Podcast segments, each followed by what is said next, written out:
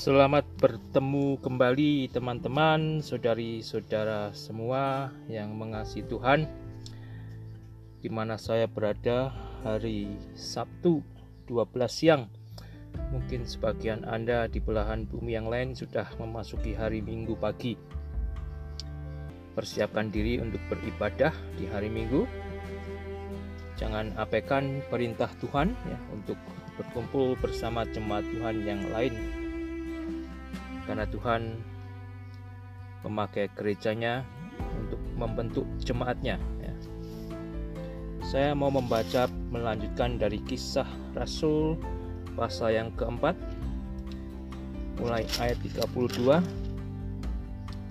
saya baca dulu ayat 29 demikian bunyinya dan sekarang ya Tuhan lihatlah bagaimana mereka mengancam kami dan berikanlah kepada hamba-hambamu keberanian untuk memberitakan firman-Mu. Ulurkanlah tanganmu untuk menyembuhkan orang dan adakanlah tanda-tanda dan mujizat-mujizat oleh nama Yesus, hambamu yang kudus. Dan ketika mereka sedang berdoa, goyanglah tempat mereka berkumpul itu, dan mereka semua penuh dengan roh kudus Lalu mereka memberitakan firman Allah dengan berani. Kembali saudara, bagian ini sebetulnya adalah luar biasa.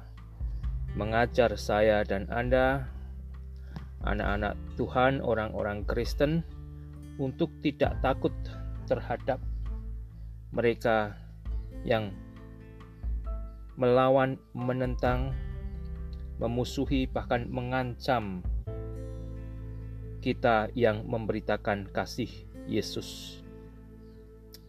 Ketika Petrus dan Yohanes diancam, justru doa mereka meminta agar diberi keberanian lebih. Oleh karena itu, saudara, kembali jangan sia-siakan kekristenan Anda. Ya.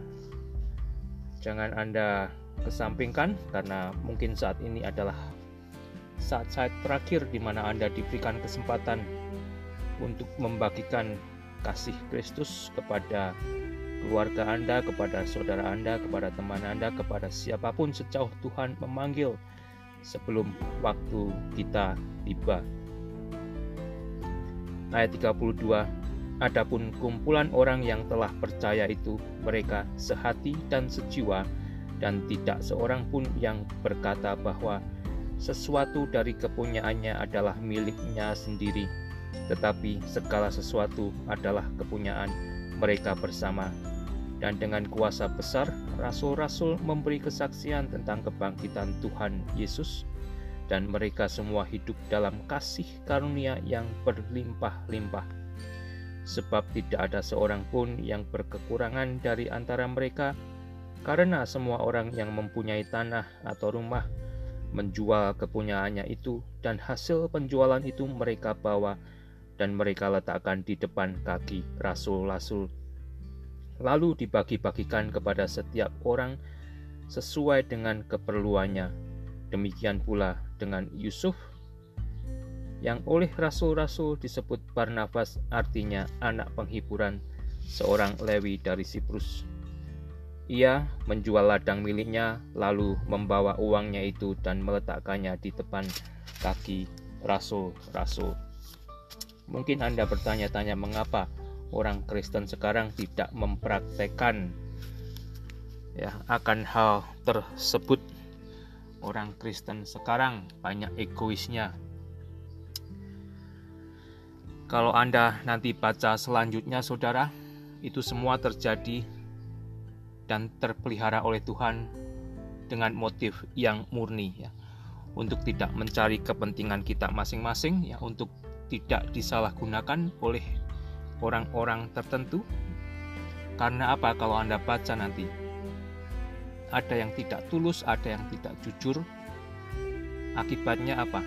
Akibatnya dosa tersebut membawa kematian orang yang tidak jujur yang tidak tulus yang mempraktekkan kebersamaan tersebut. Ya.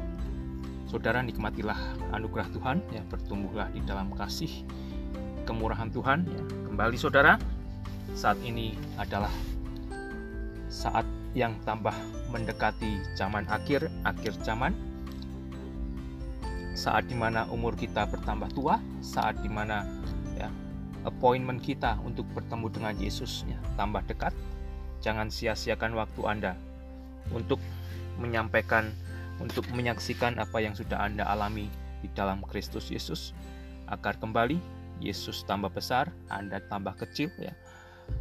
Nama Yesus menjadi nama yang boleh menyelamatkan setiap manusia yang percaya, yang merindukan surga karena seperti Anda yang bisa baca sendiri, tidak ada nama lain yang olehnya manusia bisa masuk surga kecuali di dalam nama Yesus itu sendiri. Dan saya juga Anda, saudara, berdoalah senantiasa minta agar kita dipenuhi dengan Roh Kudus. Tandanya kembali kita akan bertumbuh di dalam kekudusan, kita akan bertumbuh di dalam kebenaran hidup, kita akan bertumbuh ya, kasih kita seperti yang Kristus juga ajarkan. Tuhan memberkati, nikmatilah hari ini ya. Jadilah berkat bagi keluarga Anda, bagi teman Anda, bagi saudara Anda sejauh Tuhan memanggil.